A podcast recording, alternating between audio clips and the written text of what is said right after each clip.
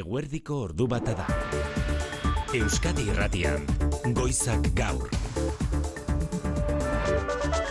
Arratsaldeon eta eguberrion deizuela guztioi. Kristau komunitateari urbi etorbi bedenkapena eskaini aurretik Gazako sarraskierentzat izan ditu lehen hitzak San Pedro Basilikako balkoitik Francisco Aita Saintuak duela minutu gutxi amaitu dena. Amaitu daitezela Gazako operazio militarrak eta jamasek askatu ditzala baituak bere gordinean edo are gordinago eusten baitiote Israelgo soldaduek Gazaren aurkako erasoari azken egun hauetan ber berdin gaur eguberri eguna izanagatik. Landerra izagirre arratsaldeon. Arratsaldeon bai bakearen alde eta beraz gerraren aurka agertu da Francisco Aita Santua urbi etorbi bedenkapenaren atariko urteroko mezuan. Allora dire sì al principe della pace significa dire no alla guerra baina gerra salatzeaz gain arma industriaren aurka ere egin du Frantziskok armen ekoizpena eta salmenta dagoelako bere esanetan gerra guztien jatorrian gazako baituak askatu eta laguntza humanitario arrasteko ere eskatu du San Pedro Basilikako balkoi nagusitik egindako adierazpenetan hausi palestinarra konpontzeko elkarrizketa eskatu die alde guztiei. Hain justu gazako eguerari aipamenik ere ez egitea da gaur Felipe Seigarrena Espainiako estatu buruaren itzaldiari talde politikoek egindako kritika bat ez bakarra ez nagusia ala ere. Sánchezen bazkide ikuste dute eskuina eta bereziki ultra eskuina lasaitzeko eta asetzeko itzaldia egin duela Espainiako estatu buruak. Izan ere Pepek eta Voxek txalotu dituzte soilik haren hitzak. No hay ley sino arbitrariedad. Fuera de la Constitución no hay una España en paz y libertad. Nazio anistasunari keinurik ere ez egitea leporatu diote BNGak Kataluniako independentistek edota EAJak entzun aitor Esteban diputatuen kongresuan jeltzale bozera malea. Nazio buruz, nazio bakarrari buruz hitz egiten da. Ez da kinurik egiten be, beste modu baten, sentitzen gara noi, ba, eta Euskal Nazioa badagoela, e, sinisten dugunentzat. Une batetik bestera espero dugu PSOEren erreakzioa ea nola hitz egiten duen Kristina Narbona alderdiko presidenteak. Aktualitate politikoari jaramon gehiegi egin gabe seguruenera eguberri eguneko tordua prestatzen ariko zarete agian une honetan bart gaueko sobrak berotu edota gaurko gordetako mokadutxoak prestatu, baina gaurko egunak ezer gozorik baldin badu hori etxeko txikienak esnatutako unea izaten da olentzerok eta mari domingik ea zeo pari utzi dizkieten ez dakigu eraikuntzarako edo txikiziorako anerri kabioia eskabaroda eta buldozerra. Volumena eman da ireber. Guazen amar zeroko disko berria eta guazen amar zeroko sarrerak. Eta agian siestan estrenatuko du etxaunek olentzerok ekarritako? En... Kijama. Ez pijama, eh? Kijama. Guztien partetik nola nahi ere? Eskerrik asko olentzero! Eskerrik asko olentzero! Zerrekarriko du olentzerok gaurko egun ezkiroletan arritxuri bar? Pilota partidu ederra, gaur eskuz bibitako txapelketan, garaipen beharra duten bi bikoteren arteko partidu izango dugu. Eibarren ezkurdiak eta tolosak laso eta arangurenen aurka jokatuko dute. Lasok eta arangurenek garaipen bakarra dute gaur galduta, egoera lenaz gain, larria izango lukete. Bihar tolosan eta barainainen ere izango ditugu txapelketako partiduak.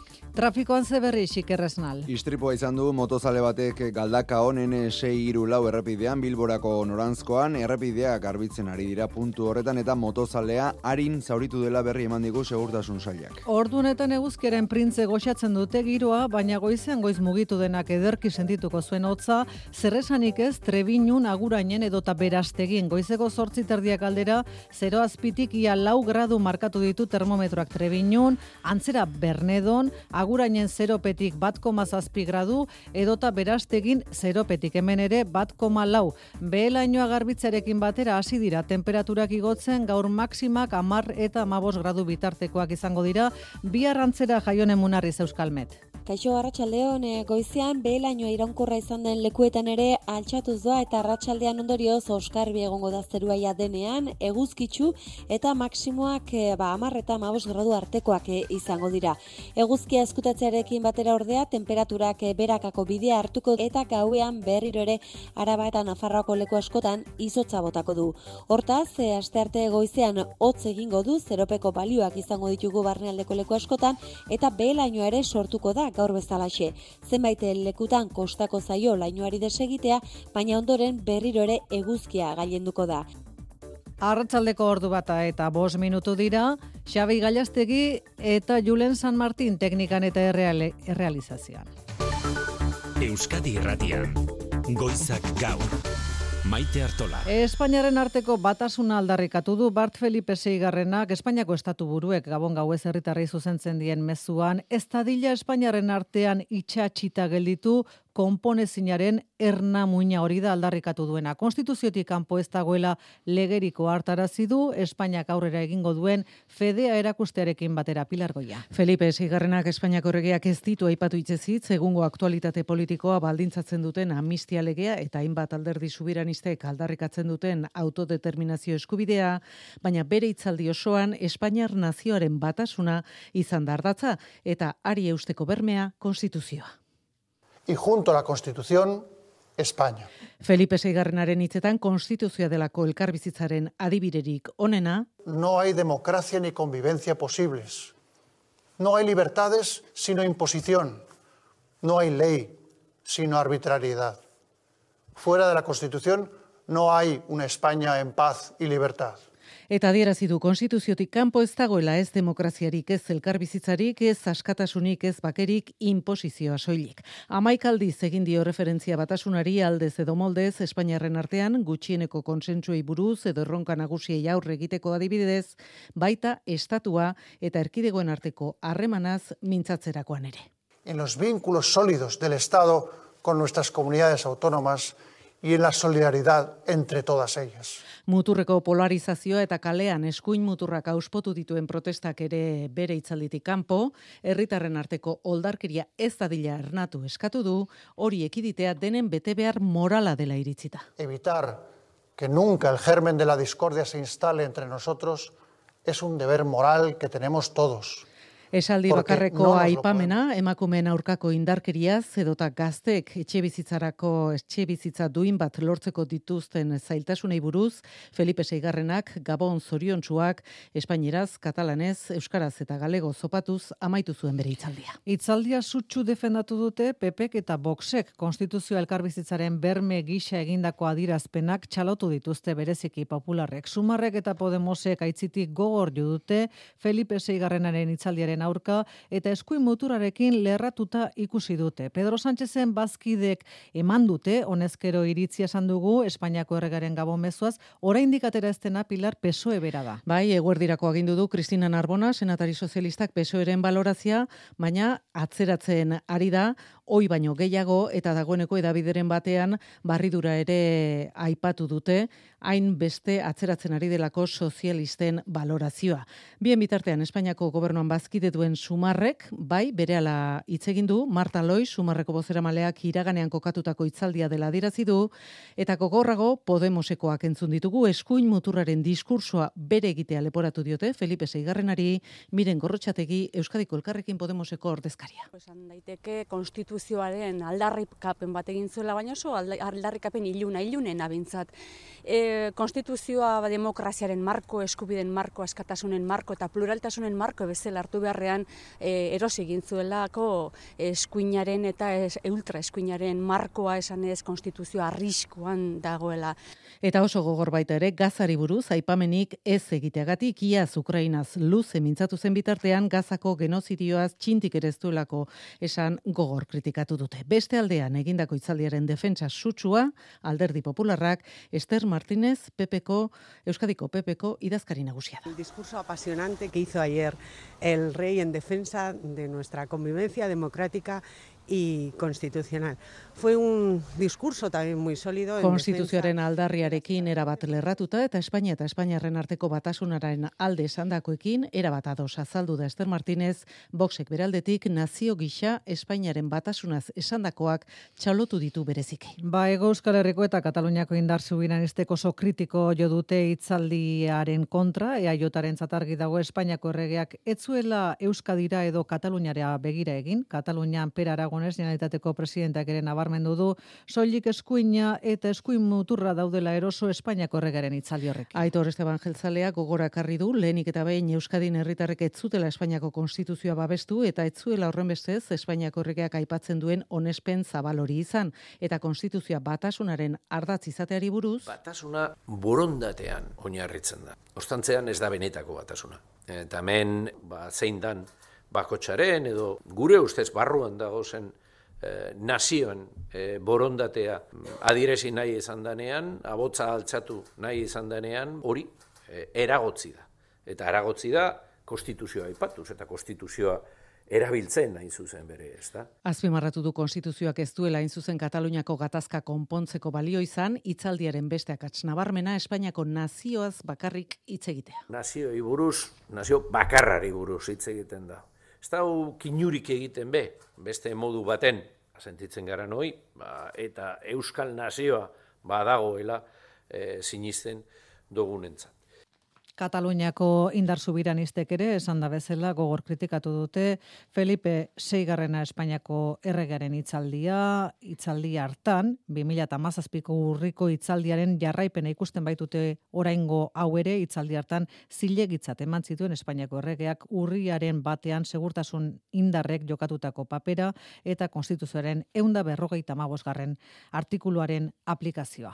Ordu bata eta amaika minutu dira, amaitu berria, San Pedro Basilikako balkoian urtero egu berri egunez aita zaintuak eskaintzen duen urbi etorbi bedeinkapenarekin batera munduan zabaldun nahi izan duen mezua gazako gerra gelditzeko erregua egin du aita zaintuak Israelgo armadak eun palestinar hilditu azken orduotan gazan horietatik irurogeita mar errefusiatu kanpaleku baten aurkako bombardaketetan. Vatikanotik gazako gerraren amaiera eskatu du aita zaintuak esan bezala egu berriko mezu tradizionalean landerra izagirre gerraren aurka egoteko naita eskoa da armen kontra ere egotea Frantzisko aita santuaren esanetan. E come si può parlare di pace se aumentano la produzione, la vendita e il commercio delle armi? Nola hitz egingo dugu bakea lortzeaz, galdetu du Frantziskok munduko armen ekoizpena eta salmenta goruntz badoaz, horregatik bakearen alde egoteko gerrari ez esan behar zaiola esan du eta indarrez gainera. Allora dire sì al principe della pace significa dire no alla guerra. Frantziskoren esanetan, palestinako hausiaren konponbidea elkarrizketaren bidetik landu behar da eta baitu guztien askatasun eskatu du San Pedro Basilikako balkoitik egindako urbi etorbi bedeinkapenean lurralde palestinarretan bertan, Israelek bombardatutako Jesusen jaiotza irudikatu dute belenen gazan hildako umeen gixara, izara batean batuta ikus daiteke Jesus umearen gorpua bombek txikitutako estalpean. Ukrainan ere bombapean ikaro beharko dituztegu berriak bigarren urtez jarraian, azken orduotan hogeita mar dron edo misil errusiar ere itxi ditu Ukrainako armadak eta batasuna eskatu di herritarrei Volodymyr Zelensky presidenteak berez urtarrilaren zazpian ospatu ohi dute eguberri ortodoxoa, baina mendebaldera gerturatzeko ahal eginean aurten abenduaren hogeita bostera ekarri dute jaiegun alander. Egutegi Juliotarra alboratu eta mendebaldean bezala egu berri eguna abenduaren hogeita bostean ari da ospatzen lehenengo bider Ukrainako Eliza Ortodoxoa.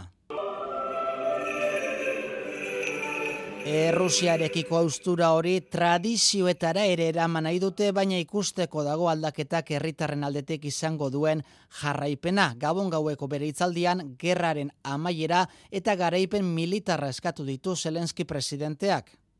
Molumo za, zabertsenia bini.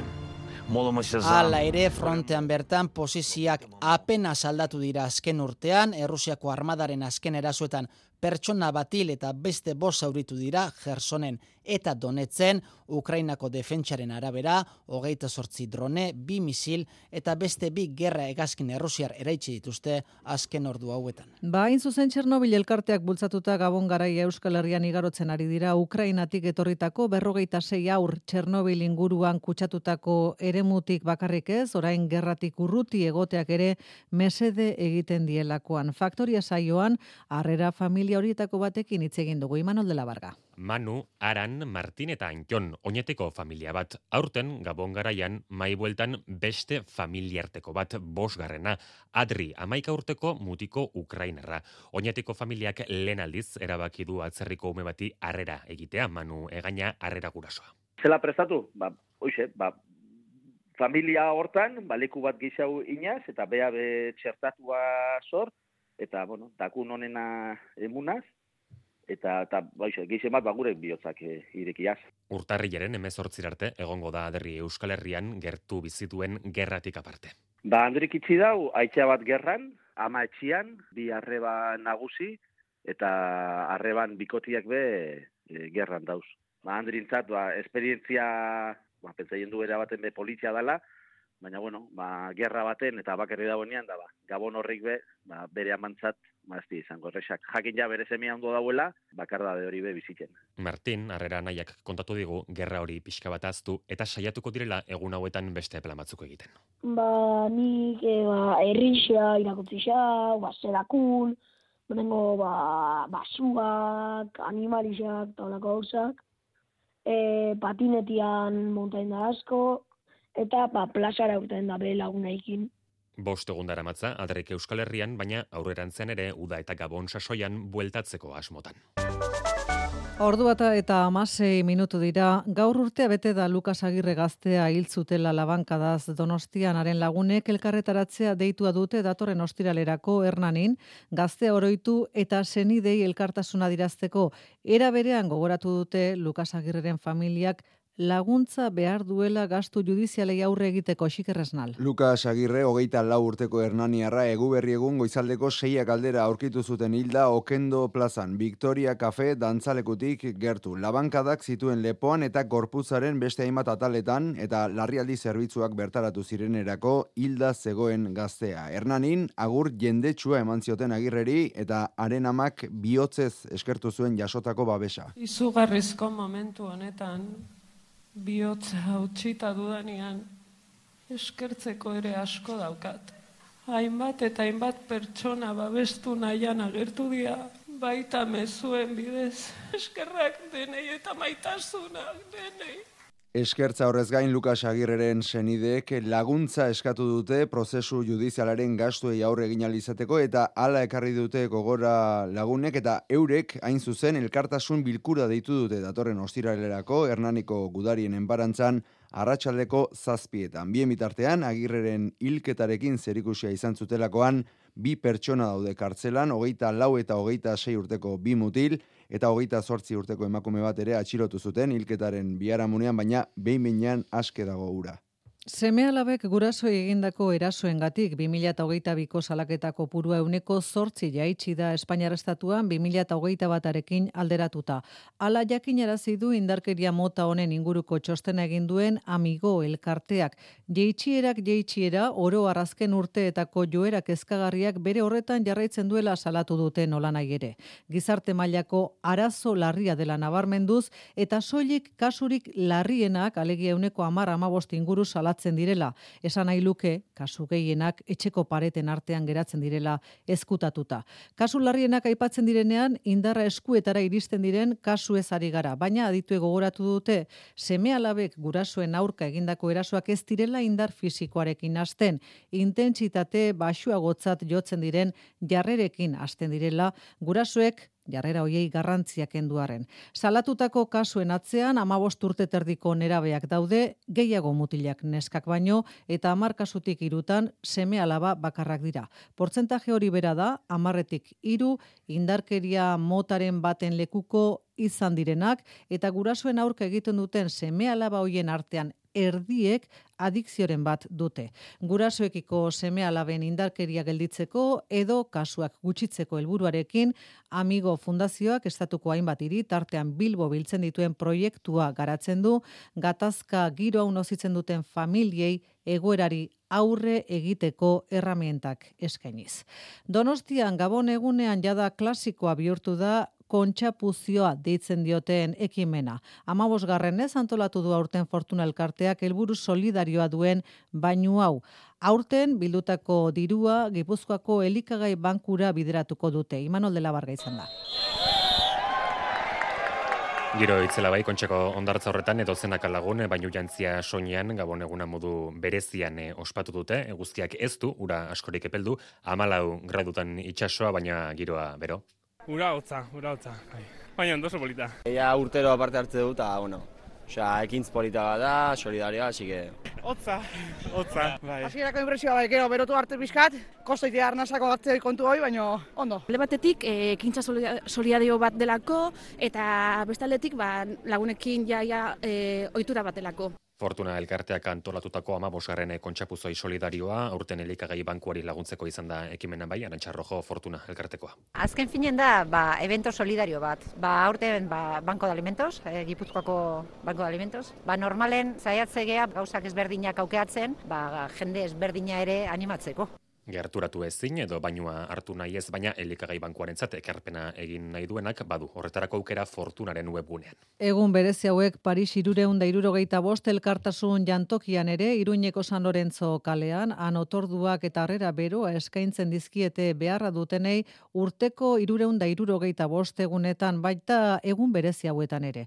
Eta iruñeko udalak aterpetxe ireki izanagatik ez dira lanigabe gelditu alderantziz aterpetxe berriak etxerik ez zutenen behar asetzeko oso motz gelditu dela deitoratu dute. Udalari gardentasun falta egotzi ere bai Mikel Urabaien da Paris irureunda irurogeita bost elkartasun jantokiko komunikazio arduraduna. Iruñan estimatzen dugu ba ehun pertsona inguru dagoela kalean eta horrek behar du erantzun zabalagoa udalaren partez, ez? Alde batetik ba hori erantzuna gardena izatea ontolatzeko e, aukera izan dezagun eta beste alde batetik ere legeak esaten duelako udalak bermatu behar duela inor kalegoeran e, egonez dadinez eta hori ez du betetzen. Hau da aurrera pauso bat, baino ez da nahikoa.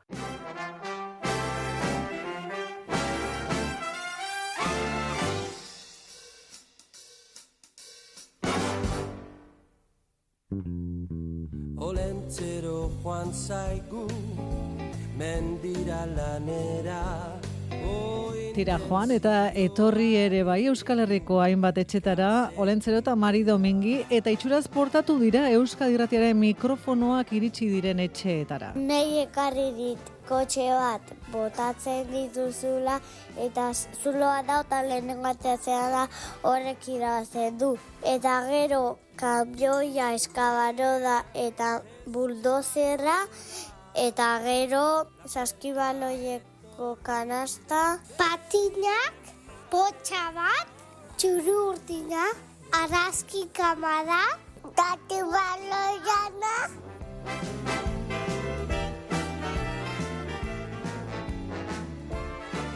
Lehan ikusteko zanerak, asteriz galiara, en... kijama, eta listo. Bueno, nahi olen zero kekarri dit, super patata lau, komiki bat dala, e, monopatina, eta gero familia kontzat ekarri digu asteriz. Eta nerabeak badituzue ezaguna egingo zaizue beste ilusio mota ere.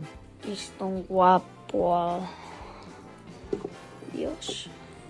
pedazo pantalla y ahí hace una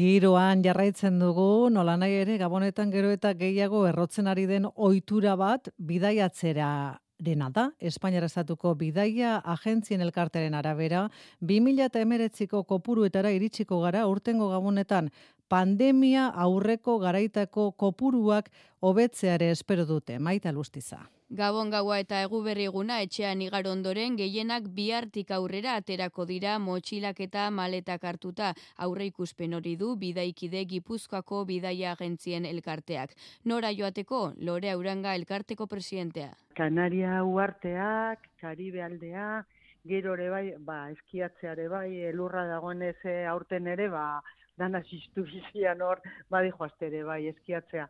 Espainiar estatura lauzpa bost eguneko irteerak izan ohi dira aste bete egun urrutirago joan ezkero eta adinaren arabera ere bada aldea. Irilak eta horrela gazte jendia, goita sortzi, ogeita amabos bitartean, gero, Kanaria uartea, gure kasuan gehiago ditugu familia osuak, aitona mona, gurasua, kumiak eta danak hor, eta gero bai, e, ba hori, luzetako bidaiak gehiago esaten da, ba hori, berroita ma bostetik aurrea. Egaldiak asko garestitu dira azken aldian, euneko hogeita mar urangaren arabera eta aurrekontua egokitu egin behar.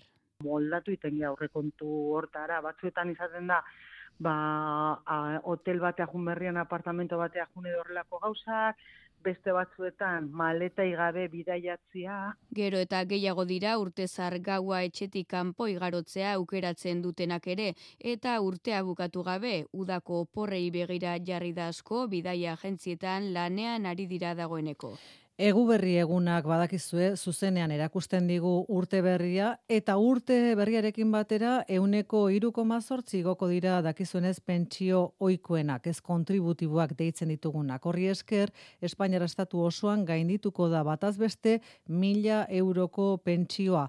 Euskal Autonomia Erkidegoko jubilatuei bataz beste irurogeita lau euro ikoko diete pentsioa urtarrilarekin batera eta Nafarrei berrogeita emeretzi euro. Ego Euskal Herriko laureun eta laurogei mila pentsio dunek izango dute euneko irukoma zortziko pentsio igoera eta lurraldeka bizkaikoek jasoko dute pentsio handiena hilean. Batez beste, mila zazpion eta laurogeita bost eurokoa. Arabakoek mila zazpion eta irurogeita zazpi eurokoa, Gipuzkoan mila seion eta laurogeita amazazpi eurokoa, eta Nafarrek mila seion eta bederatzi eurokoa. Denek ere, estatuko batez bestekotik gora, mila laureun eta hogeita mar eurokoa izango baita erretiro pentsioa batez beste, estatuan datorren urtean. Horrez gain, kotizaziori gabeko pentsioak eta bizitzeko gutxieneko diru sarrera euneko 6,9 bederatzi igoko dira 2000 eta hogeita lauan eta gehiago berriz, familia euren kargo duten alargunen gutxieneko pentsioa euneko amalau igoko baita,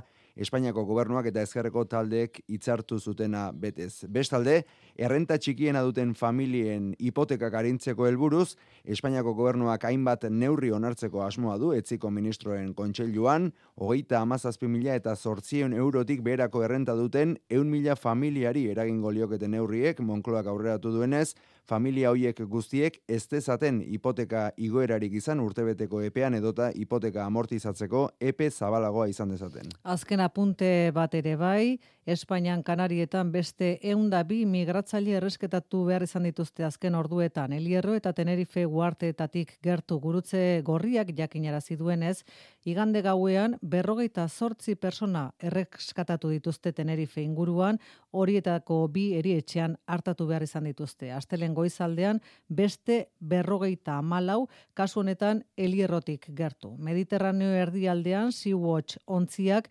eunda emezortzi lagun ere lagun lagundu ditu eta Italiako kostazainek beste eunda berrogeita mar migratzaile erreskatatu dituzte Lampedusa egoaldean bizi itxaropen berriaren edo bearen bila etorritakoak. Iragarkintza tarte txiki bat eta berala kirol informazioa.